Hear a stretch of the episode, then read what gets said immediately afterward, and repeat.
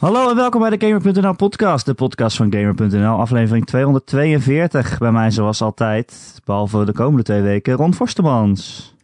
Hey. Hey. Hey. Zo, Ron. En eh, een speciale gast, eh, wederom teruggekeerd op vele verzoek, onze vriend en collega Marcel Vroegrijk. Dat is sowieso een leugen.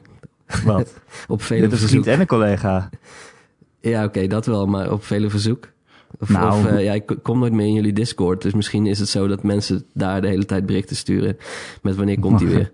Marcel. Al- al- Als we zeggen ja, dan weet je nooit of Nee, het wel of niet Ik- waar is. ja, klopt. Maar, Hoe is eh, het? hey gamers. Fuck toch? Doe je nou de mails van de Game Mania na? Ja, klopt. ik, eh, ik heb een nieuwe Switch eh, gehaald via die inleveractie. Eh, en toen kreeg ik een sms'je met Hey gamer. En toen had ik al geen zin meer. Je nieuwe Switch ligt voor je klaar. Precies. Ja, is dat een of andere actie dat je je oude Switch gewoon inruilen voor die ene met meer batterijduur Ja, en 75 euro of zo? ja klopt. Eh, Waarom heb jij een hekel aan het woord gamer, Marcel? Ja, ik identificeer me er gewoon niet mee. Oké. Nou, welkom bij de Gamer.nl podcast. Ehm, ja, hey gamer. de heygamer.nl podcast. Ehm, ja, ik zat ook naar die deal te kijken. Eh, want ik ben dan iemand die denkt, oh, dat is niet duur. En ik wil eigenlijk het nieuws van het nieuws te hebben. En daarna dacht ik, ja, maar ik speel mijn Switch nooit zoveel dat de batterij leeg is. Dus Ja, eigenlijk is het dan gewoon nog steeds 75 euro. daar heb je een goed punt. ik moet zeggen dat ik daar niet heel lang over heb nagedacht. Maar toevallig ga ik eh, op vakantie eh, binnenkort en dan is het een vlucht van acht uur. Dus dan kan ik op zijn minst meer op mijn Switch spelen dan dat hij na drie uur al Oh ja. uitvalt. Dus ik, ik, daarmee verantwoord ik het. Voor die ene, die ene keer, zeg maar, in het jaar. Ja. Moet ik dan nog zeggen dat de meeste lange vluchten wel stopcontacten hebben? Of, eh? Dus nee, dat zou ik niet doen. Dat, daar raak ik alleen maar gedesillusioneerd door. Ron, je hebt ook een lange vlucht voor de boeg. ja, ik ga naar Tokio, hè. Dus Ja, ja, vertel daar meer over als dat mag, kan. ja dat mag. Ik ga op vakantie. Oh, nou sick. Ga je, doe je ook de Tokyo Game Show aan dan toevallig? Ik ga even een dagje Nou, wat cool. Ja. Ik zag het voorbij komen en ik dacht van, zou het? Nou, het, ja, het ik zou. ga er wel even heen. Ehm, ik heb me geaccrediteerd. Nice. Ik maak me een beetje zorgen over eh, de, de, de reis naar de Tokyo Game Show. Maar het komt wel goed. Het is alleen best wel ver uit Tokio. Hmm. Oh. Het centrum. Ehm, of in ieder geval van waarbij je zaten. Maar dat komt wel goed. Het is gewoon drie kwartiertjes even trimmen. Oh ja. Of hoe heet het daar? eh, treinen. En dan, eh, dan zijn we er. Tokio is groot, schijnt. Dus eh, Ja, ja, ik ben benieuwd. Persona 5 eh, heeft me er go- goed op voorbereid al. Ja, ik hoop, ik hoop gewoon vooral niet dat er dadelijk allemaal eh, aardbevingen komen. Daar Nee. heb ik het niet zo op. Dat is altijd te hoop. Ze wachten daar al 80 jaar op de hele grote. Nou, ik hoop toch niet dat de hele grote er is als ik afstand ben. daarmee bedoel, daarmee bedoelen eh, ze jou, eh, Ron. Ja, nee, dat klopt. De Messias. Chosen one. De Messias. Eh, hey, we zijn wel lekker aan het kletsen, maar er zijn heel veel games waar we het over moeten hebben. Oké. De, de game zomer, de game lute is weer afgelopen. En in één week komt ineens alles tegelijk uit, lijkt het wel. Eh, twee grote titels zijn eh, Control, daar gaan we straks over hebben. En Astral Chain, eh, een nieuwe exclusive voor de Switch. En die heb jij gereviewd, Marcel. Ja, en volgens mij heeft verder niemand die ik ken hem nog gespeeld. En het valt me een beetje tegen. Nee, nou hij staat nu te downloaden op mijn Oké, Switch. goed zo. Eh, maar ik heb het nog niet gespeeld. Ik heb wel het icoontje op mijn Switch gezien. Wat vond je Dat van het dat, icoontje? eh, Het was echt een heel mooi icoontje. Nou, oké.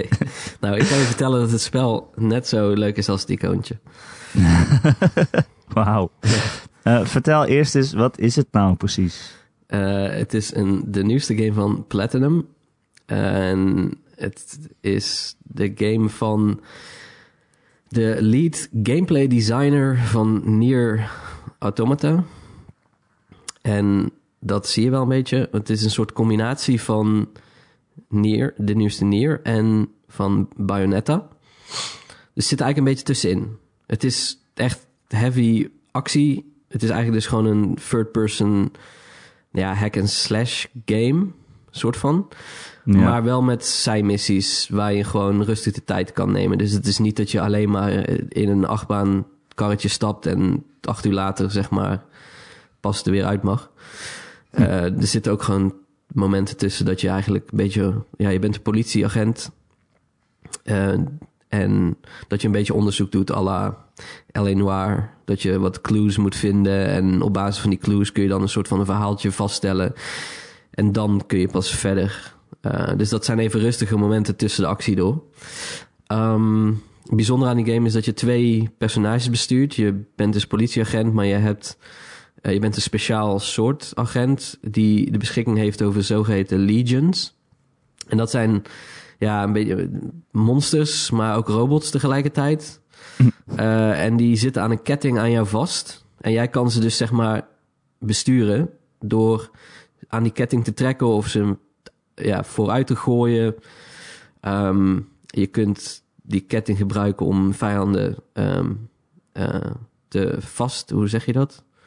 Uh, als jij met... Vastketenen? Ja, vastketenen, ja. nou, Te chainen. Aan Ja. de ketting leggen? Te Ehm, astral chainen. Precies, als een vijand op je afstormt, dan kun je een, uh, een soort elastiek maken waar die vijand dan tegenaan knalt en dan kun je hem weer terugsmijten. Um, ja, eigenlijk gaat het om de wisselwerking tussen jouw personage en die legions. En uh, ja, ik, Maar uh, ik dacht dus aan het begin, toen ik, toen ik daarover hoorde, dacht ik van oei, um, die ene personage met de analoge, linker analoge stick besturen en de ander met de, de rechter. Dat is, zeg maar, daar heb je een hele goede coördinatie voor nodig. En ik weet niet of dat zo goed uit gaat pakken. Moet je brothers gaan spelen. Ja, volgens Maar uh, hoe is de actie? Uh, ja, ik vind hem dus heel goed. Ik vind het dus echt een, een fijne mix tussen, uh, ja, tussen Bayonetta, maar ook een, zeg maar wat rustiger. Omdat je, um, ja, die legions die, um, die vallen ook wel uit zichzelf aan. Dus als jij niks doet, dan zijn ze nog steeds aan, aan het vallen. En daarmee leiden zij ook de aandacht af van vijanden. Dus je kunt een soort van... Ja, ik vergelijk me even met de Hunter Class in World of Warcraft. Je, je pet, uh, die, uh, die krijgt zeg maar een soort van... De, die trekt de aandacht van de vijanden... waardoor jij een beetje rustig van een afstandje... bijvoorbeeld... Uh, ja, een, een, een beter overzicht krijgt van, van wat er gebeurt en op wie je moet focussen, welke aanval je wil gebruiken, et cetera. Um, maar als je wil, kun je ook echt helemaal zelf losgaan en gewoon vol in de actie duiken. Want je hebt zelf ook wapens en combo's en alles. En je kunt dan ook nog eens met die legions kun je aanvallen gaan combineren.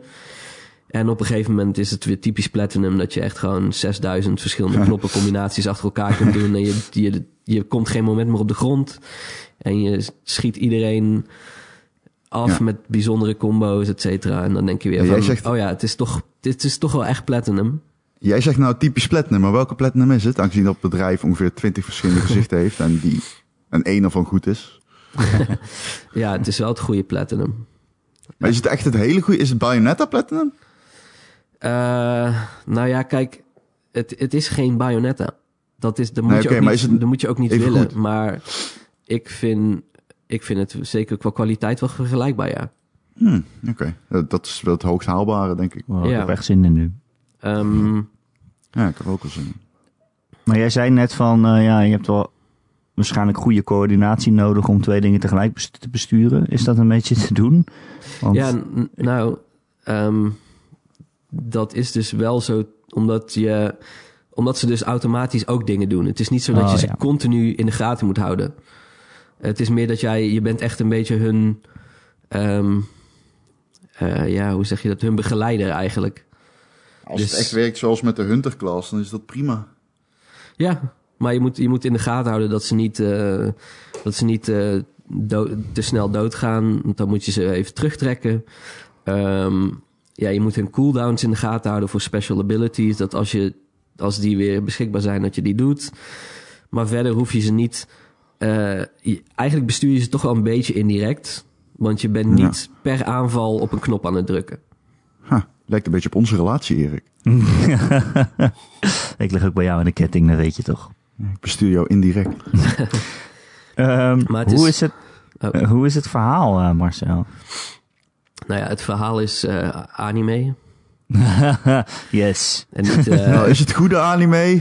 Ja, kijk, ik, ik, ik kan ervan genieten. Oh. Kijk, ik, ik zal niet zeggen dat het niet vol plotholes zit en, en ja, de zijpaden die nergens heen gaan terwijl je dacht van, huh, maar dit was heel belangrijk en waarom hoor ik er niets meer over? Maar daarom voelt het een beetje aan als zo'n een anime van echt 26 episodes waarbij je gewoon Je wordt een aantal keer zogenaamd tot het verkeerde been gezet, terwijl je echt al lang ziet aankomen wat er echt aan de hand is. En die zijverhalen, ja, die zijn ook niet zo belangrijk. Ehm, het is wel jammer dat halverwege kakt het een beetje in het verhaal, omdat het dan gewoon, je gaat, ja, dan kom je ineens, je moet ineens naar een apart gebied in het spel, wat zogenaamd zeg maar helemaal afgesloten is en waar een plaag of een virus zou zijn uitgebroken. En dan ga je daarheen en dan blijkt er niks aan de hand te zijn. En denk je van, oh shit, wat, wat, wat betekent dit dan? En nou ja, dat betekent uiteindelijk eigenlijk heel weinig. En dat, dat kost je toch een paar uur, want dat is een van de langste missies in het spel. En dat voelt een beetje jammer, want je, je denkt van, oh, oh, waar gaat dit naartoe? Dus dan ben je best wel geïnteresseerd. En dan blijkt dat het gewoon, ja, geen navolging krijgt. En dan is het een beetje moeilijk om dan daarna weer in het echte verhaal te komen. Omdat je dus net ja, eigenlijk geprikkeld bent met iets interessanters. Maar goed, eh, dat wederom, het is heel erg anime. Dus op een gegeven moment komt er weer een of ander groot monster uit een dak vallen. En denk je van, oeh, oké. Eh, en dan is, het dan, weer, dan is het weer helemaal prima. Wat me vooral bij is gebleven aan die game is hoe raar, hoe leuk raar die is. Eh, het is echt ook buiten de missies loop je dan rond op het politiebureau. En daar is een, een collega van je die trekt iedere keer een hondenpak aan om andere collega's op te beuren. En zij Ah. loopt dan de hele tijd rond en ze komt, geeft jou dan missies om andere mensen dus ook inderdaad... Op een gegeven moment moet jij het hondenpak aantrekken. En dan ga je dus conversaties voeren met agenten. Maar jij zegt natuurlijk, je kan natuurlijk niks zeggen als persoon in een hondenpak. Dus die, het enige wat je doet is een soort van rare bekken trekken en rare handgebaren maken. En dan al die personages die zeggen dan, oh wat, wat goed dat je me begrijpt, dankjewel. En Jezus. het, het, is, het, Ik is, denk dat ik genoeg weet. het is gewoon lekker vaag. genade. En eh, er zitten ook gewoon, de, de zijmissies zijn ook gewoon heerlijk dom en simpel. En ik kan er gewoon wel van genieten. Want op een gegeven moment is er eentje, en dat is dan, die, het, het personage heet Dog Lover. En hij zegt, I love dogs. En zijn, zijn quest is dat zijn dog kwijt is. En dan moet je hem vinden. Maar de, de quest is super simpel. Als in, dat, dat is het, zeg maar. Dat is echt gewoon zo on the nose. Maar het zoeken van die hond levert vervolgens weer leuke, unieke gevechten op. En leert je hoe je die verschillende legions moet gebruiken. En dat is een beetje wat, het, wat die game leuk maakt. Is dat die zijmissies, ook al zijn ze heel dom, laten ze wel precies goed zien wat het combat systeem te bieden heeft. En daar heb je dan in de main story weer veel aan. Dus op die manier is het wel echt leuk om ze te doen. Ja, dat. Hmm. Nou, oké. Oh, lachen. Ik heb er super veel heel zin in. anime. Je hoeft ze, Ik ben benieuwd. je hoeft ze ook absoluut niet te doen trouwens. Dus mocht je denken, ik wil Nee. het zo Bayonetta mogelijk maken, dan moet je gewoon alle zijmissies negeren. En dan ga je dus redelijk van hoofdstuk naar hoofdstuk en dan is het eigenlijk alleen maar actie. Ik, Nee. eh, ik, ik ben wel benieuwd. Ik heb er zin in. Het is natuurlijk een, een, wel. een Switch eh, exclusive. Eh, hoe, hoe ziet hij eruit? Oh Dus ja, hoe is de performance? vooral. ja, kijk, het is geen, je, je moet geen 60 frames per seconde verwachten. Nee. Maar Nee? nee. Maar Van zo'n game? ja, het is het, als je het Moet je juist wel verwachten, toch? Nou, als je vervolgens ziet hoe die eruit, hoe die, er, hoe die draait, zeg maar. eh, hoe, hoe die er verder uitziet, dan vind ik het heel impressive wat ze gedaan hebben. Want ah, het is Ja. echt gewoon een full, het is echt een grote game, hè. Ehm, Ja. En als je ziet hoe hectisch die actie wordt en hoe mooi het spel blijft, desondanks, eh, dan vind ik het knap wat ze gedaan hebben. En dan is 60 frames is op een Switch gewoon, is gewoon niet haalbaar. Gaat gewoon niet. Eh, dus ik denk, als ze, dat, als ze 60 frames hadden willen halen, dan had het spel er echt gewoon. Dan hadden ze niet die stijl die ze nu hebben kunnen doen, had, het, had dat spel er niet zo tof uitgezien. En ik denk dat dat ook dat dan een deel, groot deel van de charme van die game verloren was gegaan. Dus ik vind dat ze een goede keuze hebben gemaakt. Fair enough. Alright, en de performance? Ehm, ja, ik vind hem op ehm, in docked is het gewoon ehm, overal acceptabel. Kijk, natuurlijk dipt het af en toe wel eens een keertje bij een eh, grote bossfight of wat dan ook. Ehm, handheld is wat eh, ruwer, om het maar zo te zeggen. Zeker omdat je dan echt gewoon... Je ziet dan, eh, de- ja, ik, ik weet de officiële term niet heel erg goed, maar je ziet de, de, de, de- ik noem maar even de karteling van de graphics zie je nogal. En op zo'n klein schermpje met heel veel actie maakt dat het, de combat misschien wel ja, iets minder overzichtelijk. Want er gebeurt heel veel op het scherm. En als dat niet duidelijk allemaal af, eh, afgekaderd is, dat je precies ziet wat wat is, dan eh, wil het nog wel eens verwarrend zijn. Maar eh, ook daar draait hij.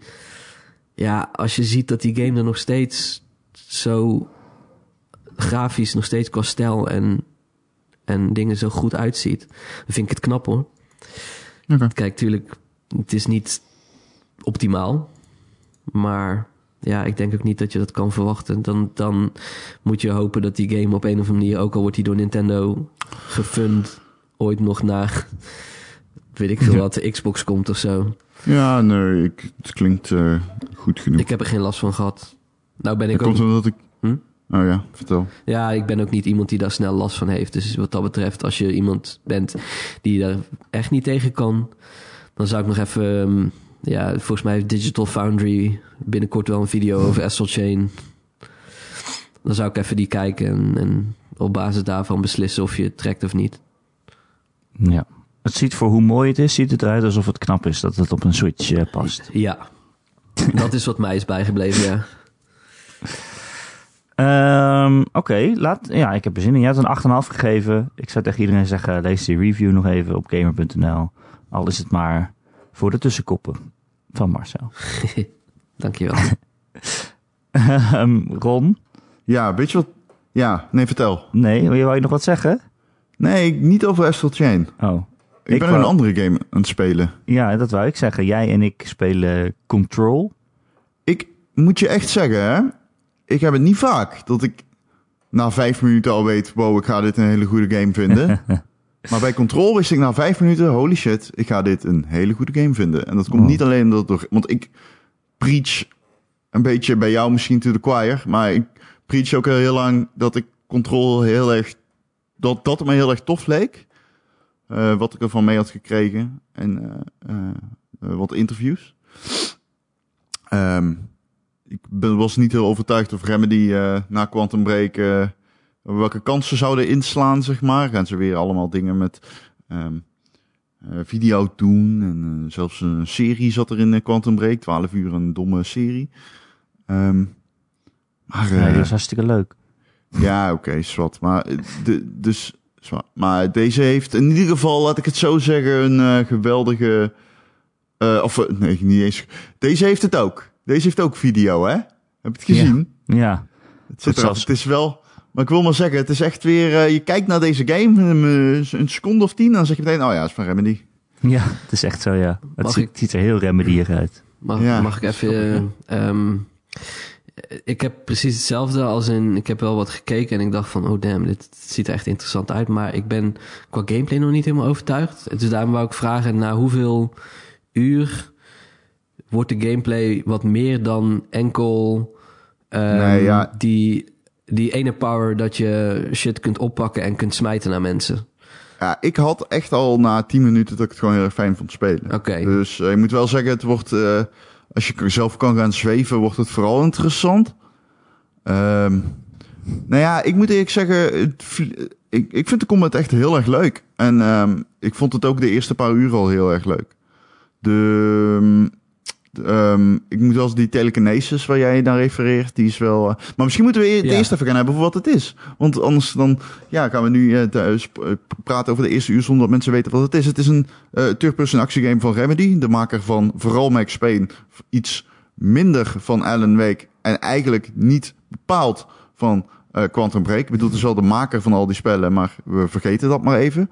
Eh, ik vond Alan Wake trouwens wel, ook, wel een goede game hoor. Ehm, alleen, eh, ja, na Max Payne was dat toch al gauw dat je dacht, oké, ja, het is niet Het is heel sfeervol. zo goed. Eh, ja, maar ik vond de gameplay, ik vond hem af en toe heel erg traag. En daar kon ik niet, het ik kan echt wel omgaan met traag, maar... voelt wel alsof ze niet. dan, zeg maar, nu Max Wake hebben gemaakt. Ja, Nou. het is niet echt Max Payne-ig. Dat kan ik niet zeggen. het is wel een shooter. Ja, maar het is toch geen Max Payne shooter? Nee, het heeft geen bullet time of zo. Want dat ook altijd een beetje, mensen zeggen altijd, ja, maar uh, Remedy, eh, die, die, die zat heel goed in alles behalve gameplay. Bitch, heb je nooit Max Payne gespeeld? Ja, het, is lijkt eigenlijk meer op, het lijkt eigenlijk meer op Quantum Break. Het lijkt eh, meer op Quantum Break. Dat, daar vond Ja, ik de gameplay ook best wel goed.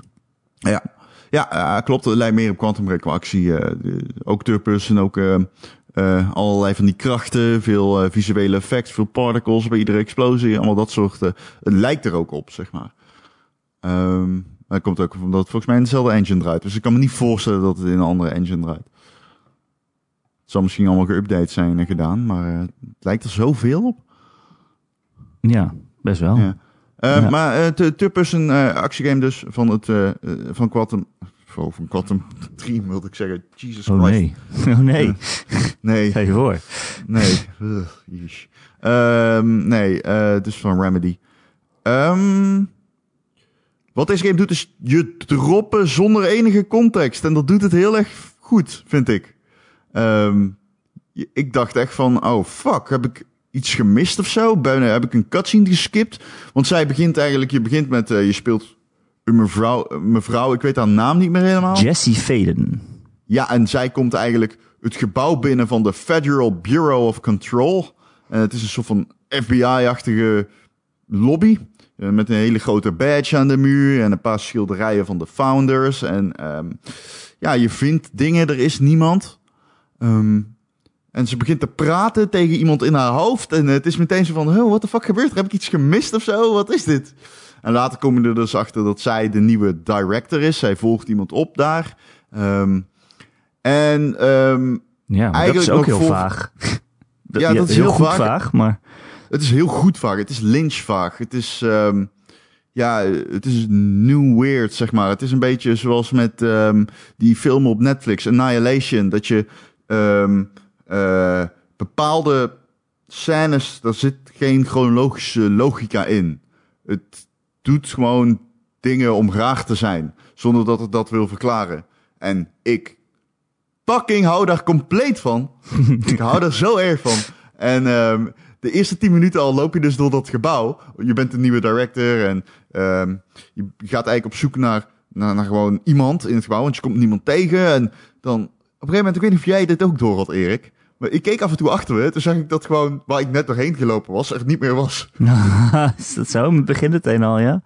Ja, zo begint het al. En toen dacht ik, wat de fuck is dit? Dit is echt heel raar. Want ik kon er gewoon niet meer komen.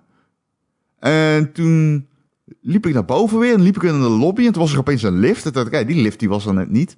En dan ga je naar beneden. Of nee, eigenlijk daarvoor al kom je een conciërge tegen. Eh, Adi? Afi? Adi? Ik weet niet even zijn naam. Ati. En die praat heel raar tegen je. Hij lijkt ook je gedachten te kunnen lezen. Maar de hoofdpersoon gaat daar niet op in. Ehm, ja, en dan zie je dat, dan kom je de director tegen. Eh, of althans, je hoort een schot. En die heeft zelfmoord gepleegd. Je pakt zijn wapen op. En dan begint de, de, de oude director tegen je te praten. Ja. Dus je verstaat hem niet helemaal. In een, in een FMV-scène. In een FMV-scène die geprojecteerd wordt op de omgeving. Wat fucking raar is, maar super cool. Oké, ja, ik eh, ben inmiddels overtuigd. ja, Ik, Ja, Dit zijn echt en, de eerste ehm, tien minuten of zo. ik, eh, dit is de eerste 10 minuten en ik dacht dan meteen... En toen was het ook nog super creepy. Alle lijken, allemaal eh, medewerkers van de eh, Federal Bureau of Control... ehm, zweven in de lucht.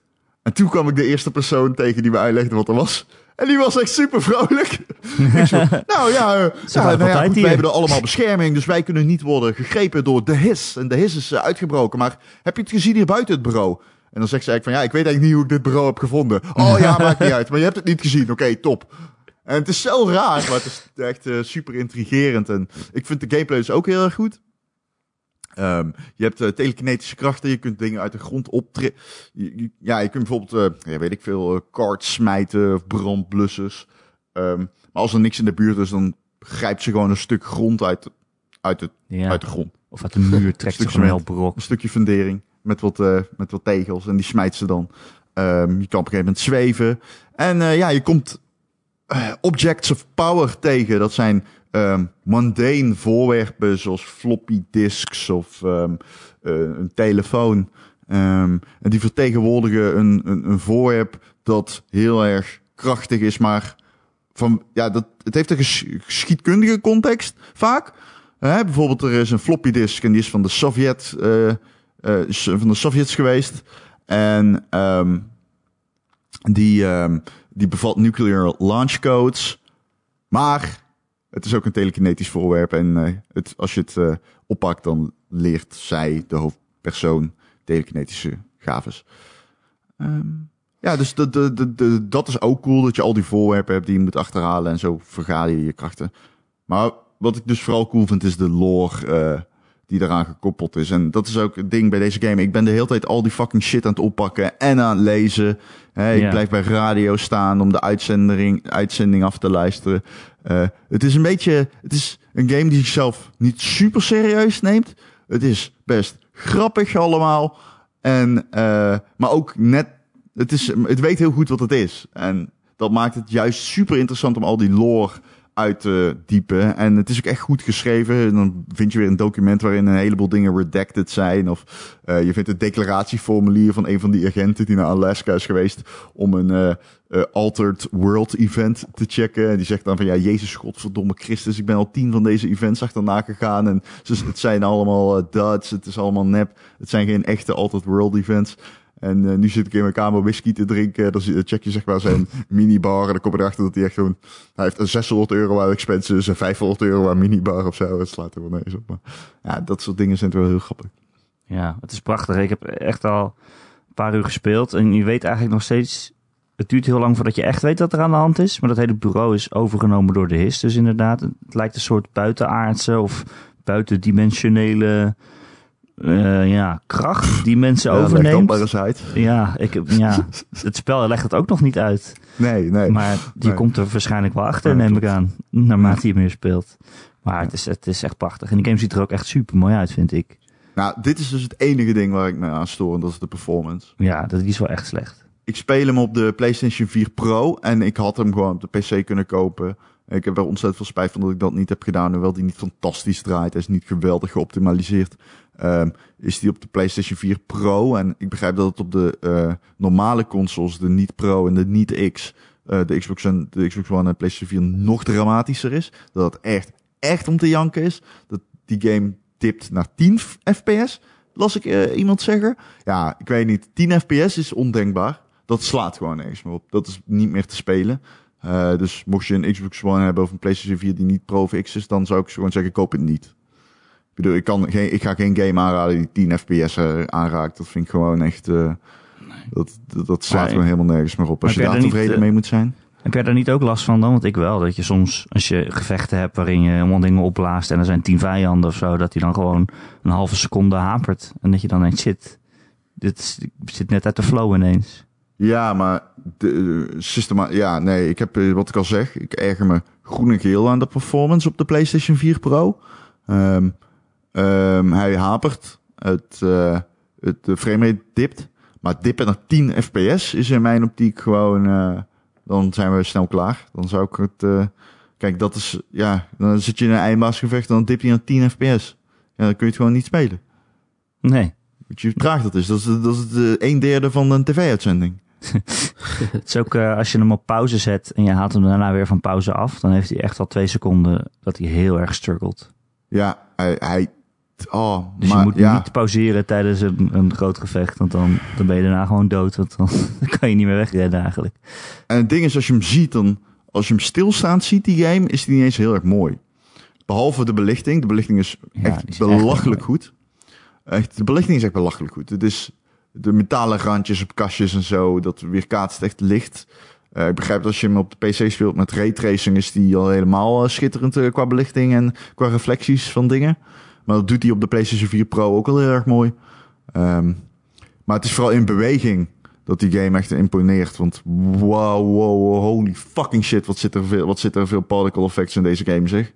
Als je met een bureaulade gooit, blijven de blaadjes echt gewoon 20 uur en de vonkjes en alles blijft echt gewoon fladderen tot, tot, tot, tot, tot aan, nou ja, 20 seconden lang of zo. Het ziet er gewoon bijna ridicuul uit af en toe. Maar het is wel echt fucking schitterend stof, vonkjes, uh, uh, ja, kleine stukjes papier en zo. Het is echt zo'n ontzettend mooie game. Ja, en de, de, hele wereld staat ook vol met dingen om waar je mee kan gooien. Inderdaad, wat je zegt, bureaus, bureaus en, maar ook uh, ja. brandplussers en zo. En, ja. en, stoelen en kasten en dingen die kunnen ontploffen. En het, je kan echt met alles smijten, dat is zo leuk. Ja, en uh, ik heb het al wel eens in het begin gezegd van de, de, de, de hoofdrolspeler kan wel eens het gebouw worden. En dat is ook echt zo. De hoofdrolspeler van deze game is dat gebouw. Want dat is zo vet hoe dat werkt. Het is, ik weet nog steeds niet hoe het werkt, maar het speelt zich af in de oldest building. Um, house. Oldest house, sorry, oldest house. Um, daarin is dus de uh, Federal Bureau of Control gevestigd en niemand weet echt hoe het werkt. Een paar mensen weten hoe het werkt. Uh, daar kom je, dat is natuurlijk het geheim. Maar het is super tof hoe kamers draaien. En wat ik al zeg in het begin, loop je gewoon door dat gebouw en dan lopen ze je al te mindfucken door gewoon... Terwijl je doorheen loopt, de, de, de, de, de, de, ja, de architectuur ervan te veranderen. En dat doen ze uh, steeds, uh, steeds maar weer. En op een gegeven moment ga je ook echt wel... Uh, ja, holy shit, er is zo'n eindbaas. Weet je wel, die allereerste met die floppy disk, Erik. Die Ja. dingen op je smijt. Nou, Ja. vond ik zo mooi. En hoe daarna die kamer helemaal transformeert. Want alle blokken draaien dan weg. En die kamer draait dan helemaal naar een andere kamer. En jezus. Het is zo fucking mooi gedesigned. Het doet echt wat dat betreft denken aan bepaalde levels in Dishonored 2. Eh, minimaal on par. Ik vind, wel, eh, ik vind het wel heel grappig. Eigenlijk, je ziet, je ziet eigenlijk dat al, alle levels en alle ruimtes gemaakt zijn om helemaal te slopen en om met alles te gooien.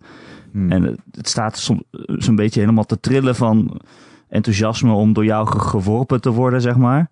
Maar daardoor, het, het voelt ook een beetje als een soort blokkendoos af en toe. Alsof alles helemaal los zit. Want als je, ik liep bijvoorbeeld heel zachtjes tegen een bureau aan. En je denkt normaal van ja, een bureau, dat is op zich gewoon een stevig ding. Als ik daar tegenaan stoot, gebeurt er niks. Maar die stortte dus meteen helemaal in elkaar. En het bureaublad laat los en dan valt hij helemaal om. En dan vallen alle boeken eraf. Dan denk ik wel, ja oké, dat is wel een beetje overdreven. Maar alles staat in principe gereed om, om met telekinetische krachten eh, gegooid te worden.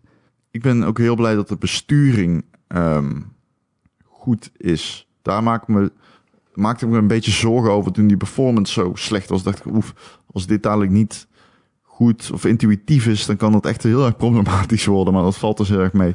Dat redt ook wel een beetje de, problemen met de performance. Dat het gewoon echt heel snappy is. En ehm, ja, ik, eh, zij hebben heel erg ingezet op gemakkelijk kunnen domineren in gevechten. Voor je gun hoef je niet te reloaden. Die reloadt zichzelf automatisch en allemaal van dat soort dingen.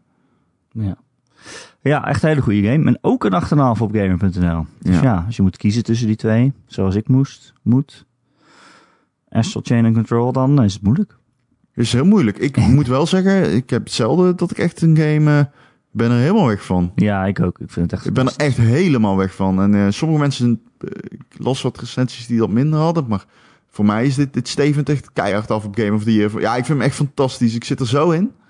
Ik, eh, ja, ik, ik wil niet zeggen dat het mijn Game of the Year wordt, dat wil ik echt niet zeggen. Maar het is eh, voor mij, eh, het maakt zoveel indruk op dit moment. Ik vermaak, me- ik, ik vermaak me echt eh, geweldig met die game. Maar ja, mensen zeggen ook dat hij 10 uur duurt of zo. Ja, dat wilde ik nog Maar ik- zeggen, ja. Dat ik Ja, dat wel een maar- prettig idee vind eigenlijk. Maar ik doe er volgens mij echt twee of drie keer zo lang over. Want ik zit echt elke alle hoekjes af te zoeken. Ja. En alle, alle documenten te lezen. En alle tv-programma's te kijken. Oh, fuck, die tv-programma's zijn zo fucking creepy. Ja, oh, wat creepy. Leuk. Ja. Nee, dat vind ik echt het engste uit die hele, uit die hele game. Wat? Nee joh, dat is leuk. Die, die, die kinder, dat kinderprogramma. Oh, met die poppietjes. Ja, vind ik Ja, echt. dat- is echt een horror. Dat Oh, ik vond het echt super grappig. Ik denk dat hier onze persoonlijkheden. eh dit is, eh, hier is het geschil van Erik. Ehm, Ja, het is dus een, een soort collectible in de wereld. Ja. Op sommige tv's vind je een, een kinderprogramma. En dat heeft dan iemand heeft aangevraagd of ze dat mogen maken. Want er zijn soms kinderen in dat bureau en die, die leer je dan om om te gaan met alle bovennatuurlijke shit die in dat gebouw gebeurt. Maar dan hebben ze dus een soort van heel low budget poppenshow gemaakt. En eh, die poppen zijn echt fucking creepy. ja, sorry. En het zijn heel onlogische afleveringen ook. Ja. Maar goed, het is, Dat wel grappig. Maar ik vind die man die de hele tijd die Objects of Power introduceert, vind een soort van tutorial video, vind ik wel heel erg grappig. Ja. Maar goed, als je dus alles uit wil halen, is het zeker wel langer dan eh 10 uur. Maar als je gewoon het verhaal doorbeukt, dat kan prima, dan schijnt het redelijk- lekker behapbaar te zijn. Eh, en er is ook nog een andere le- leuke, hele goede game uit afgelopen week. En die heb jij ook gespeeld volgens mij, eh, Marcel. Telling Lies. Mhm. Of, sorry, van, nee, die heb ik niet gespeeld. Haha. Oh, wat dan? Je hebt gekeken hoe iemand anders die speelde? nee, dit was een leugen. Oh, god. Ehm, dit is de nieuwe game van Sam Barlow, die hiervoor natuurlijk Her Story maakt, maakte. Eh, ook een FMV-game, waarin dus alles echt gefilmd is met echte acteurs. En het werkt eigenlijk ongeveer hetzelfde als eh, Her Story, namelijk eh, je hebt een hele database aan video's vol met mensen die gesprekken voeren. En je kan er alleen maar in zoeken door een woord in te typen. En dan krijg je alle video's waar dat woord in zit. Eh, ja, dan moet je die video bekijken. Maar ja, ze zijn natuurlijk helemaal eh, niet in volgorde van tijd en niet in volgorde van belangrijkheid. En eh, ja, het zijn ook nog eens Skype-gesprekken, dus je ziet maar één kant van het gesprek. Ja. En dan zit, zit dat- je soms een minuut te kijken naar iemand die aan het luisteren is, zeg maar. Dat vond ik het interessantste nu, want in Her Story is het zeg maar gewoon een police interview, toch? Dus dan heb je gewoon één... Ja, Dat, dit vond ik een interessante toevoeging, is dat je nu inderdaad twee kanten van het gesprek hebt. Dus als jij iets hoort, of, of je, je luistert één kant van het gesprek en je denkt, oh, die persoon aan de andere kant van de lijn, die heeft net iets gezegd dat ik echt moet weten. Dan moet je dus gaan zoeken naar een manier om in de zoekresultaten de andere kant bo eh, te, te krijgen. Dat die in de zoekresultaten komt. En dat vond ik best wel cool. Dat je dus, weet ik het, iemand ehm, heeft het over. Hey, ja, ik, ik wilde. eh, een voorbeeldje: iemand zegt ik wilde astronaut worden. En dan weet jij dus van, oh, dan heeft die andere persoon waarschijnlijk gevraagd: wat wilde jij worden toen je jong was of zoiets. En dan kan je dus met die trefwoorden kan je dus die andere kant eh, gaan, gaan vinden. ja het is best wel... eh, het is best wel een rare game wat dat betreft eigenlijk. Want dan heb je dus inderdaad, soms vind je een video van zeven minuten. En dan één minuut ervan is dat iemand alleen maar aan het luisteren is naar degene aan de andere kant. Ja, En dan, je kan het wel doorspoelen, maar ja, ergens wil je dat ook niet. En je zit een beetje naar zijn gezicht te kijken Ja. van hoe die reageert op wat die andere zegt. En, eh, je bent bang dat je wat mist ook. Want hij, Ja. hij, hij begint de video dan op het moment dat de keyword die je hebt, waarnaar je hebt gezocht, zeg maar, wordt genoemd.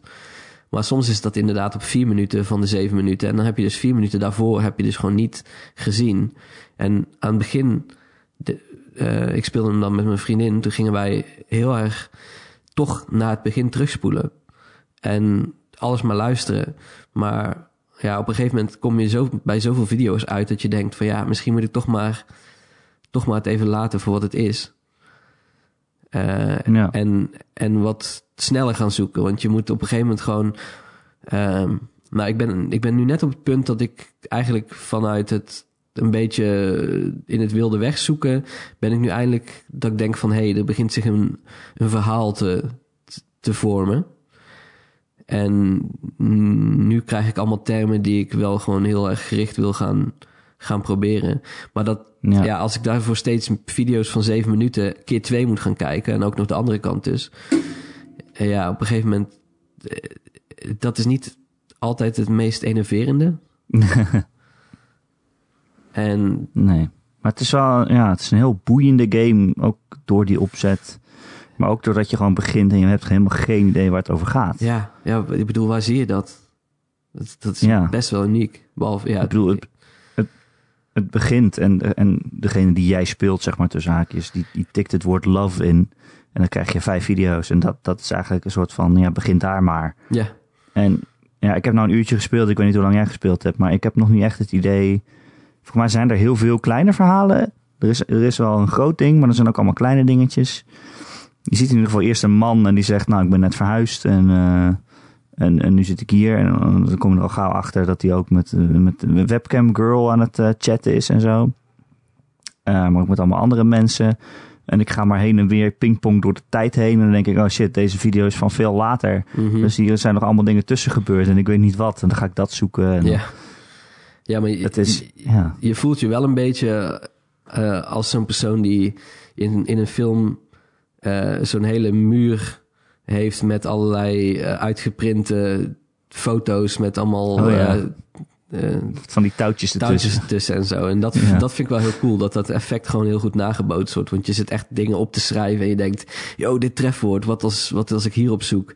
En als je dan iets vindt, dan dat, dat doet wel wat, zeg maar, met je. Dan denk je echt gewoon zo'n, zo'n van, oh yes, ik ben echt een goede detective. Terwijl wat die game doet volgens mij heel, wat die game heel slim doet, is dat die je steeds nieuwe trefwoorden geeft, waardoor jij je heel slim voelt. Maar eigenlijk heb Ja. je nog geen zak bereikt. Nee, precies. Ja. Het is, uh, ja, het is wel net als bij Her Story. Die game stuurt je zo weinig dat je natuurlijk ook helemaal de verkeerde kant op kan gaan. Zeg maar tussen haakjes de verkeerde kant. Of Ja. dat je meteen al bij het einde bent per ongeluk of zo. Of, uh, je bent, je bent, ik ben ook de hele tijd aan het denken van ja, ik doe het niet goed misschien. Of dit is niet de kant die ik op moet. Of, Ja, ja. dat is wel het risico, ja. Maar er is geen goede of slechte manier om het te spelen uiteindelijk. Want Nee. je, je ontdekt steeds zoveel andere verhaaltjes. Maar ik zou ook niet weten wanneer ik hem dan uitgespeeld heb eigenlijk. Nee, ik weet ook niet of er een credits komt of zo. Of als je een, een ding hebt daar gevonden. Of, ja. Nee, of wanneer je dan moet besluiten dat je stopt met spelen. Dat weet ik ook niet. ja. Ja, als je denkt alles te weten. Ja, I guess. Misschien is dat het einde, ja. Als je denkt, nou, ik, eh, ik vind het wel goed zo. Ik weet genoeg. Ja, ja precies. Maar heel, eh, heel boeiende game in ieder geval. Ja, ik Zeker kan de op zijn minst waard. eh.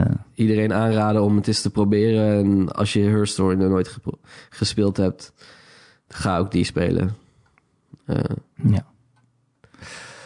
Eh, ja, veel games dus deze week, maar ook veel nieuws. Ehm, we moeten het toch even over, hebben, denk ik. Ook omdat sommige mensen deze podcast gebruiken als een soort van nieuwsbron over games. Ja, je gelooft het niet, maar het is toch zo. Eh, afgelopen week was er een, eh, een grote gebeurtenis in de gamesindustrie. Namelijk eh, ja, een soort van het, het MeToo-moment voor, voor games is gebeurd.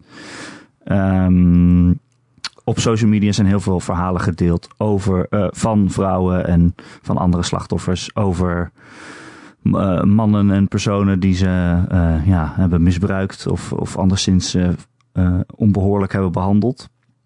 Begon bij een post van eh, Nathalie, eh, Natalie Lawhead, een ontwikkelaar. En eh, die had een hele lange blogpost gemaakt met allemaal e-mail, e-mails en zo erin. waarin ze uiteindelijk Jeremy Soul eh, aanwees als ja, haar verkrachter, mag je wel zeggen, toch? En Jeremy Soul is een componist die, waarvan iedereen denk ik wel eens muziek heeft gehoord. Hij heeft onder andere Elder Scrolls games gedaan.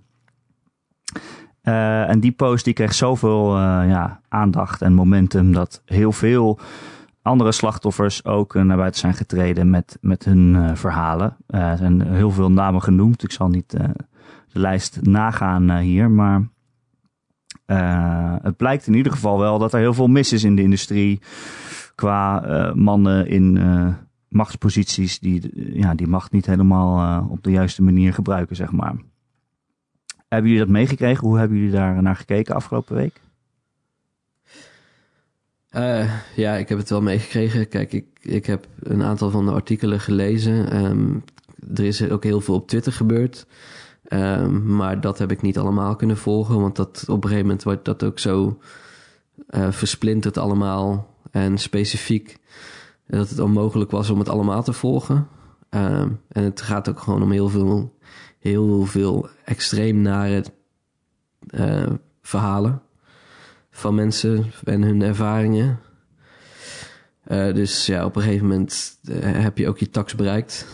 Ehm, maar ja, het, het, kijk, het is geen verrassing in die zin, aangezien het een wereldwijd probleem is. In iedere in iedere industrie is dat iets wat eh, ja, mannen en hun macht misbruiken en grenzen overgaan. Dat is niet uniek voor de game-industrie. Ehm, maar de game-industrie is natuurlijk wel ook een hele eh, moeilijke industrie om in te komen. En daarom ook een moeilijke industrie om eh, het te maken. Wat denk ik ook bij heeft gedragen bij waarom het zo lang heeft geduurd dat deze verhalen nu naar buiten komen. Omdat ehm, mensen zetten hun toekomst op het spel door uh, zich uit te spreken.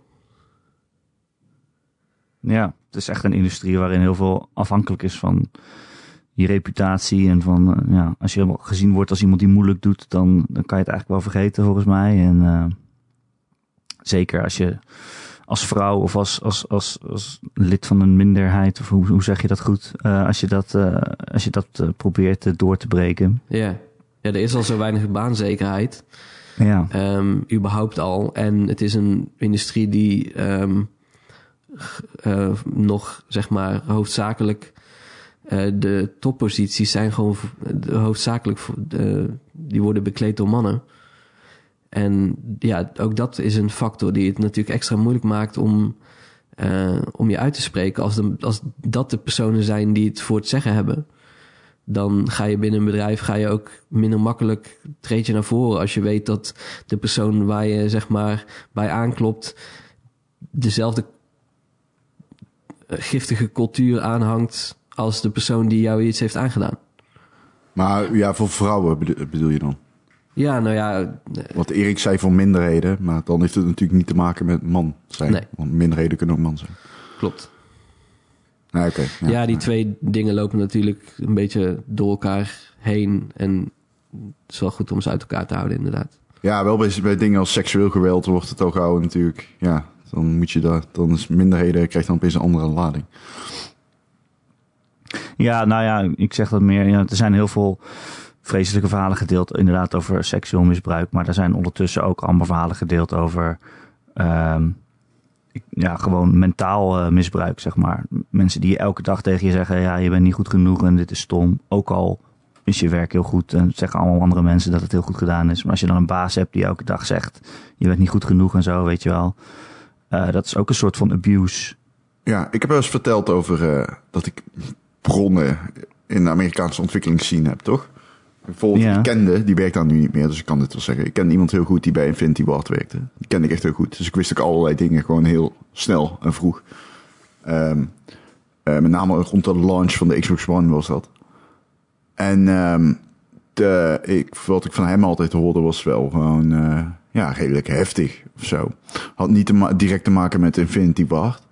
Had wel te maken met studie grote studio's die uh, heel, heel veel druk oplegden van bovenaf op werknemers zonder dat dat uh, ja, heel erg te verantwoorden viel. En dat was dan, dan spreek ik over intimidatie, zeg maar.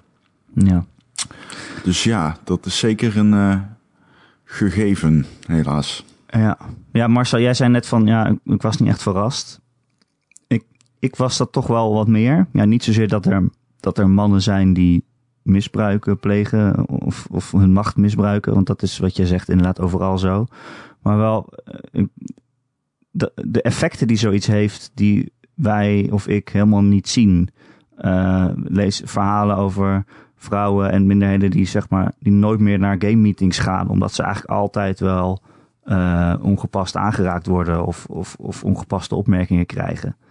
Um, en ik lees over whisper networks, een soort van geheime communicatiekanalen die bedoeld zijn om kwetsbare mensen in de industrie te waarschuwen voor bepaalde mannen die, die niet te vertrouwen zijn, zeg maar. En dat zijn dingen waar ik eigenlijk, ja, als buitenstaander ja. en als iemand die daar zelf niet mee te maken heeft, natuurlijk nooit over hoor. Ja, ja dat is uh, natuurlijk heel treurig. Dus, ja, dat dus ik was eigenlijk wel verrast over hoe verziekt het er uiteindelijk eigenlijk is. En niet alleen over, zeg maar, echt de tussen aanhalingstekens de, de daders en, en de mannen die genoemd worden, maar ook over al die mensen die ze eigenlijk een soort van het hand boven het hoofd houden. En dat iedereen eigenlijk zegt van ja, hij is een beetje raar, maar zo is hij nou eenmaal. Of uh, ja, weet je, de cultuur die er moet zijn, die moet toch ook een beetje fysiek zijn voor dat zoiets zo lang kan bestaan. Want het gaat soms om beschuldigingen die jaren teruggaan. Ja, en dan hoor je allemaal andere mensen weet je wat het die is? komen dan naar buiten van ja, ik heb daar ook last van gehad. Het is veel makkelijker om het ervoor te kiezen om het gewoon niet te geloven. Want dan blijft alles voor jou hetzelfde. Dan is het zo van, oké, die persoon, die is... Nee, ik hoef, ik hoef niks te doen. Ik hoef geen actie te ondernemen. Ik hoef mijn mening niet aan te passen. Ik hoef niks, zeg maar. Dat is, dat is gewoon veel makkelijker dan te beseffen van... hey, die persoon die in mijn kring... of in ieder geval in een kring die ik ken of wat dan ook... eh, altijd gewoon zich voordoet als een prima persoon... die blijkt het tegenovergestelde te zijn. Dat is, ja, ehm, dat tast ook soort van ehm, je eigen eh, inschattingsvermogen aan. En sommige mensen die schieten dan in een automatisch in een reactie van... oh, dan zal het wel niet waar zijn, want anders had ik het wel geweten bijvoorbeeld of zo. En dat is natuurlijk best wel... Het, ten eerste, het gaat niet om jou in dat geval. En ten tweede, ja, mensen... iedereen... Het kan iedereen zijn in de zin, want je weet, je weet dat gewoon... Je kunt wel denken dat iemand op een, ehm, een, een ja, is zoals je denkt dat hij is, maar dat wil niet zeggen dat persoon ook daadwerkelijk zo is. Het wordt nu een beetje vaag.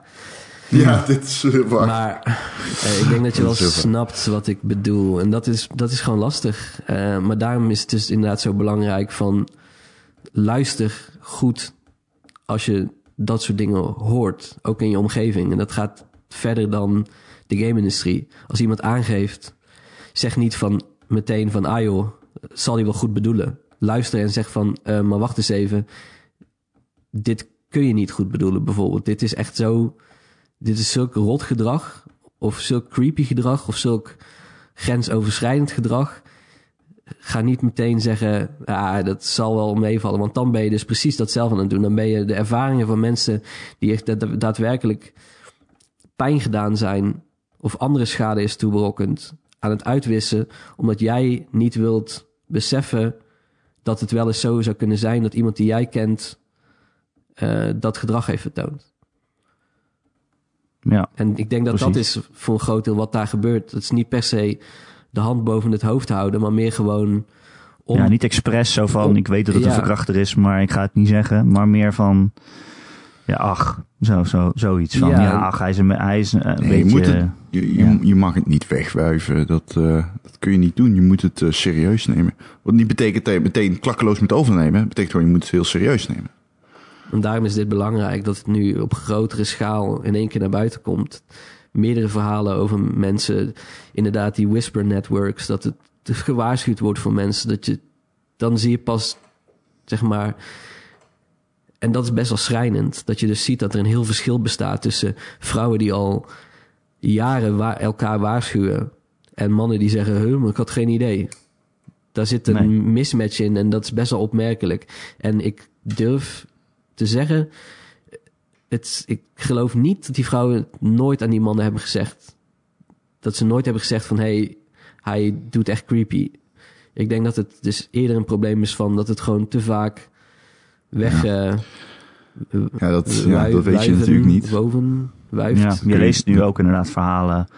Ik weet nu het precieze voorbeeld er niet bij, maar inderdaad mensen die het bij, eh, bij HR zeg maar hebben aangegeven. En een tijd later is het resultaat dat het slachtoffer eh, het- het bedrijf uit moet. En degene die het beschuldigd wordt, die mag lekker blijven zitten. Ja, Ja, dat soort shit, joh. Waar was dat? eh, ik weet, ik Nee, heb het, nooit- voorbeeld niet. Ik heb het wel meerdere keren nu op Twitter ergens voorbij zien komen. Maar ik heb echt een hele avond eh, op Twitter door zitten klikken op allemaal mensen die hun verhalen deelden, zeg maar.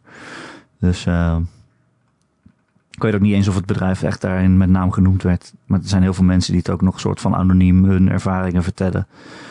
Eh, maar ja, dat soort dingen Ja. komt gewoon voor. En dat is niet goed.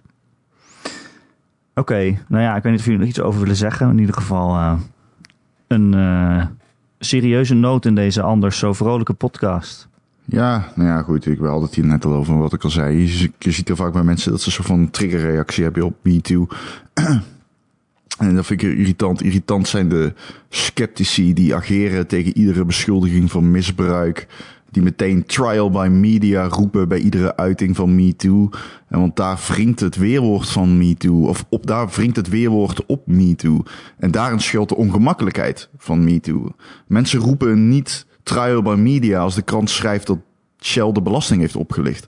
Dan zegt niemand waarom gaat de krant op de stoel van de rechter zitten. Uh, dus ja, ja dat, ik wacht wel tot de rechter heeft gezegd of het wel of niet zo is. En dan ja. pas geloof ik het. Ja. Nee, dat is inderdaad alleen gezegd, bij dit zo, ja. Dat gezegd hebbende, uh, je kunt ook niet zeggen dat het onmogelijk is dat iemand iets zou verzinnen. Dat is ook een belofte die je niet kan nakomen. Hè? En beschuldigingen van misbruik kunnen heel veel aanrichten. En media moeten zich daar bewust van zijn. En dat betekent ook helemaal niet dat andere slachtoffers niet makkelijker naar buiten kunnen trainen. Want ze mogen ze treden. Hè? Ze mogen van mij één voor één vallen. Um, nee, het is... Uh, dit, soort dingen is. Uh, uh, het is altijd heel goed als dat gebeurt, vind ik. Want als, als er niemand naar, als er één iemand naar buiten treedt, zie je dat er veel meer mensen naar buiten treden. Dan zie je een systematisch probleem. En een tendens kun je pas de kop indrukken op het moment dat het duidelijk is waar de roots liggen. En dat ga je echt niet lukken als er drie mensen naar buiten komen. Dan heb je iedereen nodig. Of tenminste zoveel mogelijk. Yes. Um, zullen we het nog over wat games hebben? Of zijn jullie nu eigenlijk wel klaar? ja, ik, ik, ik heb nog een game gespeeld. ik ook nog. Dus, nou, Marcel, vertel. Nou, laat, laat erom maar. Even, dan ga je daarna wel. Je wil gewoon oh. als afsluiter. Ja. Moet het best voor het laatste bewaren. Precies. Waarom? Oké. Okay. Uh, Destiny heb ik uitgespeeld. Uh, Oké, laat maar. Ik ga wel. nee, ja, jullie doen altijd heel flauw voor Destiny, maar jullie hebben het helemaal nooit gespeeld. Het is, er is toch een, een grote verandering aanstaande, of die, dat ze weer... Maar jullie hebben het helemaal nooit... Maar ik kan er nooit tegen. De, Erik doet dat ook altijd. Die doet net of het Destiny een van de pulpspel is. Terwijl het gewoon een heel goed spel is. Je hebt het ook inmiddels elke week over Destiny. Ja, maar dat is prima. Het is gewoon echt een uitstekend spel. Maar ze gaan... Wat een ik, ik ben zo blij dat ik weer begonnen ben aan Destiny. Want inderdaad, ze komen met Shadowkeep. Ze gaan hem free-to-play maken. En iedereen kan hem daar gewoon spelen gratis. Uh, moet je Shadowkeep ook kopen. Maar alles wat ik nu speel tegen betaling, kan iedereen straks gewoon spelen. En ik heb hem dus uitgespeeld nu, uh, de uitbreiding. Ik weet niet of ik dat vorige week ook al gezegd had. Volgens mij niet, Erik, vandaag. um, maar um, ik stond echt uh, ja, versteld van het niveau, man. Het is, uh, ik, ik, dit heb ik vorige week wel gezegd. Dit is echt Bungie in bloedvorm. En ik ga het gewoon opnieuw zeggen. Het is echt zo ons fucking goed. Het is een van de beste games die ik dit jaar gespeeld heb. Um, het is zo goed geschreven. Het schrijfwerk, de dialogen en zo zijn zo fucking goed geschreven. Het verhaal is super boeiend. En uh, ja, het is nog steeds de beste shooter op de markt. Het is gewoon echt een ontzettend goed spel. En um, vrienden van mij, uh, die ook uh, een beetje in jullie stoel zaten, die nu opgestart hebben, die uh, zijn er niet van weg te slaan. En dat heeft niet eens te maken met het feit dat die game je steeds dopamine triggert door allerlei loot drops te laten vallen. Ja, drops laat je vallen, maar hè, door al die loot drops. Uh, het is gewoon een ontzettend, ontzettend goed spel. Dat echt heel erg goed is geschreven vooral. Dat, uh, dat verbijsterde me wel, want we weten dat Kate Six, een van de prominente personages, die is omgebracht. Maar hoe ze dat doen, hoe ze daarmee omgaan, hoe je systematisch naar de top omhoog werkt om dat mysterie een beetje, zeg maar, um, ja, te, te ont, uh, ontrafelen. Jezus Christus, man. missies zijn zo leuk en anders steeds. En ze hebben allemaal een unieke twist. En dan kom je in de meest waanzinnige omgevingen. Ja, het is echt, uh, ik heb mijn ogen uit zitten kijken. En uh, zeker in HDR trouwens, op tv, op de Playstation, schitterend. Ik heb hem zelf op de PC, want ik ben hem nu twee keer aan het spelen. Ja, zo leuk vind ik het. nee. Dat, uh, ja, ik kan er wel, uh, kan er wel echt van genieten. Het is echt, ja. Ik zou iedereen zeggen die een, game nodig heeft om die gewoon. Kijk, ik ben iemand, ik ben best wel een gewoontedier. En ik vind het heel fijn om een spel te hebben als uitvalbasis. En bij mij is dat Overwatch wel eens geweest. Bij mij is dat wel eens Rocket League geweest. Maar ik denk dat van al die games Destiny het beste verantwoorden is. Omdat die gewoon. Dat is, dat is ook echt een goed computerspel of zo. Het is. Um, ja, ik ben heel erg blij dat. Want ik had er geen zin in. Dat is altijd bij Destiny. Ik heb dan geen zin om er weer aan te beginnen. Omdat ik dan denk van. Ja, poe, ik, in mijn hoofd is dat toch een soort van MMO of zo. Maar ja, dat is helemaal niet zo. En dan ben, ik ben heel blij dat ik er toch weer aan begonnen ben. Dus mocht die daar gratis zijn, wil ik iedereen aanraden. Geef een kans. Je krijgt er echt no fucking way ooit in welk universum of dilemma of uh, dilemma, uh, welke dimensie ook uh, spijt van. Nou, maar, let jij maar eens op. ik, kan, Nee. ik kan overal spijt van krijgen. Ja, Zo was de uitspraak. Nee, maar ik ben wel echt blij voor je dat, je dat die game zo goed is geworden. ja het, ik vond Destiny altijd al heel erg goed hoor. Eh, alleen het had gewoon momenten dat de economie niet klopte. Dat ze eh, items devalueerden. Dat ze allemaal... Maar nu hebben ze het gewoon in orde. En wat raar. Het gebeurt sinds de uitgever. Ja, dus dat is Dat toch is, raar. hè? dat is ook gewoon mooi om te zien. Dat ze dit gewoon hebben kunnen doen. Nou, Dat ze het gewoon in eigen beheer hebben. En, en nu gewoon echt de dingen... Dat je nu al meteen het resultaat daarvan ziet. Ja, want ik voorspel nu al, deze game gaat nog zo lang mee. Oké. Het is echt, het is, eh, ja. Ik ben, ja. Komt er geen Destiny 3 binnenkort of zo? Ik verwacht geen Destiny 3 binnenkort. Oké. Eh Marcel, wat was jij nog aan het spelen? Ja, ik heb dus knights, eh, ridders en bikes, fietsen. Knights en bikes gespeeld. een eh, rare combinatie. Ehm, maar het, het is wel een goede titel van de game. Het is eh, ontwikkeld door Foam Sword. Maar het wordt uitgegeven door Double Fine. En als je niet zou weten dat het ontwikkeld was door een andere studio... dan lijkt het lijkt ook echt op een, een Double Fine game. Misschien ook het meest te vergelijken met Costume Quest. Eh, want die game was ook een soort kinderen die op ehm, trick or treat gaan en dat was dan een soort RPG, toch? Zeg ik het zo goed? Ja. Ja. Ehm, dit is eigenlijk ook. Dit is een soort van. eh, ik vergelijk het maar even met Castle Crashers. Een beetje een beat'em beat up achtige eh, eh, ja, hoe heet dat genre? En beat 'em up. Ja, ja. toch? Ehm, Maar dan. Zoals eh, Streets of Rage of zo, Ja. of eh, Double Dragon. Maar dan verpakt in een schattig verhaaltje over een meisje dat een ehm, vriendinnetje ontmoet op een af, afgezonderd eiland waar ze met, alleen met haar vader woont. En het gaat allemaal niet goed met hun eh, financiële situatie. En zij is heel erg. eh, zij zit heel erg in de eigen hoofd en in, in de verbeelding. Dus alles is voor haar een soort van een sprookje met monsters en een, een zoektocht naar een schat, et cetera. En zo speel je dus eigenlijk een soort van brawler, maar effectief gaat het over dat ze hun huis uitdreigen eh, uit moeten, omdat ze geen inkomen hebben. En ik geloof dat haar moeder is onlangs overleden. En dat zijn dus allemaal, nou ja, dat, genoeg metaforen daarvoor in ieder geval. Ehm, maar de stijl van het spel is gewoon heel schattig. Je, je bent echt een, een klein kind. En eh, je, eh, je kunt schoppen. En je speciale move is dat je in een plas water stampt. Als, ook als een klein kind. eh, met je laarsjes. En als je rent, dan schreeuw je. Nou goed toch. Er is geen stamina meter, maar het schreeuwen zorgt ervoor dat het eigenlijk toch een stamina meter is. Want je houdt het gewoon niet vol om lang te rennen, omdat het gewoon heel irritant is dat er een schreeuwend kind rondrent. Eh, en op die manier is het, ja, ik, ik, ik weet niet. Ik vond het, ik heb, ik heb het een eh, uurtje of twee, drie gespeeld, denk ik. eh so far. En het is gewoon heel erg aandoenlijk. De stijl is ook fantastisch. Het wordt ook echt gewoon gepresenteerd met als je een nieuw item vindt, dan, denk, dan wordt het ook echt gepresenteerd alsof het echt een of ander episch ding is. Terwijl het gewoon een fiets met zij, zijwieltjes is. Eh, ja, het is gewoon, het is heel aandoenlijk. En het is ook wel goed gedaan, zeg maar, hoe zij eigenlijk continu de realiteit negeert, maar dan toch echt via de gameplay wordt geconfronteerd met dat er wel degelijk dingen aan de hand zijn waar ze op moet reageren. Dat ze niet in haar fantasie kan blijven zitten. Hm. Het is co-op. Dus dat is ook Oh. leuk als je dat wil. Online en eh, offline. Het is heel simpel verder. Je moet geen eh, in, diepgaand combat systeem verwachten. Maar je speelt het voor, de, voor dat De verhaal en de cuteness, ja. so, so far bevalt het me heel goed. Leuk. Ja, Het, 20 euro geloof ik op eh, veel platformen. Nou, dat. Dat is geen geld. Nou, inderdaad. Weet je wat ook geen geld is? De Gamer.nl podcast. Die kun je namelijk elke maandag gratis downloaden via onze website gamer.nl.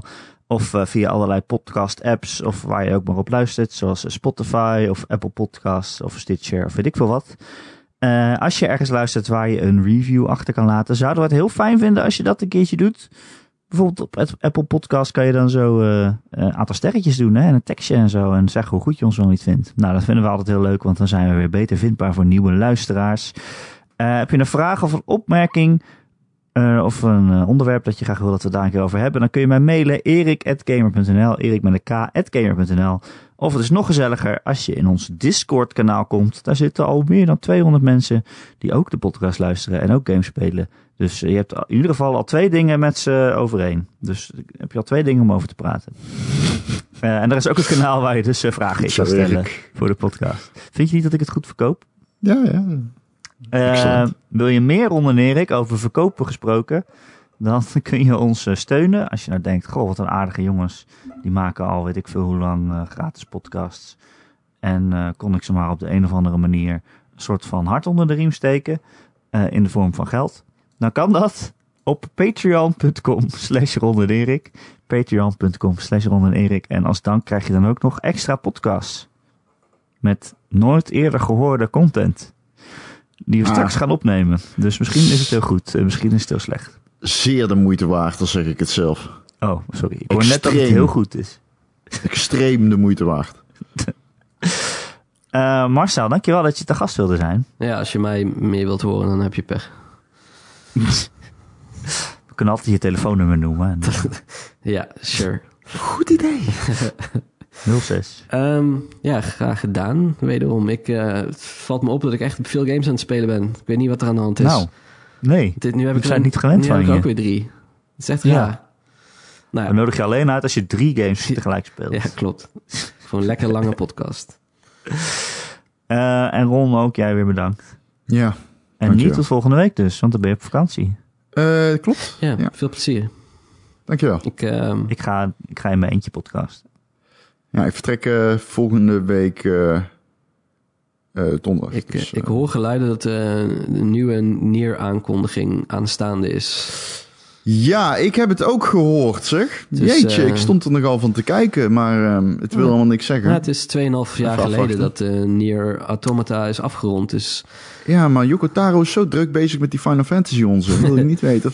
ja. Oh, hoe hij er nou bij betrokken ja, is. Want ik kan me niet voorstellen dat hij dat ernaast doet. Maar wat ik begrijp is het echt gewoon uh, neer uh, bijna wat hij in Final Fantasy oh, aan het maken is. Dan moet ik hem toch maar eens gaan spelen dan. Doet hij ja, Final Fantasy? Ja, 14. Ja, hij is, Uitbreiding ja, of zo. Hij is, hij is een, hij is een, een, een verhalenmaker in die game. En ik hoor van iedereen uh, dat dat echt wel uh, een heel, heel, heel erg één op één uh, Yoko Taro ding is. Oké. Okay. Nou. Oh, in 14? Uh, ja, in 14, ja. Ja, god, hoeveel moet je dan wel niet eerst doorspelen voordat je daar komt? je, er komt een mogelijkheid dat je meteen kan skippen naar die nieuwe dingen. Oh, chill. Ja, dat ga ik doen. Leuke game wel hoor. Echt een hele leuke MMO.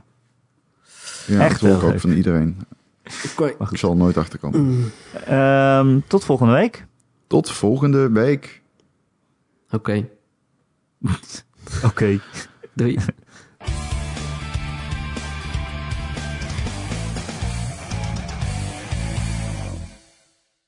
Hè hè. Lekker jongens, goede podcast. Echt een goede podcast. Veel om over te praten. Dat is chill.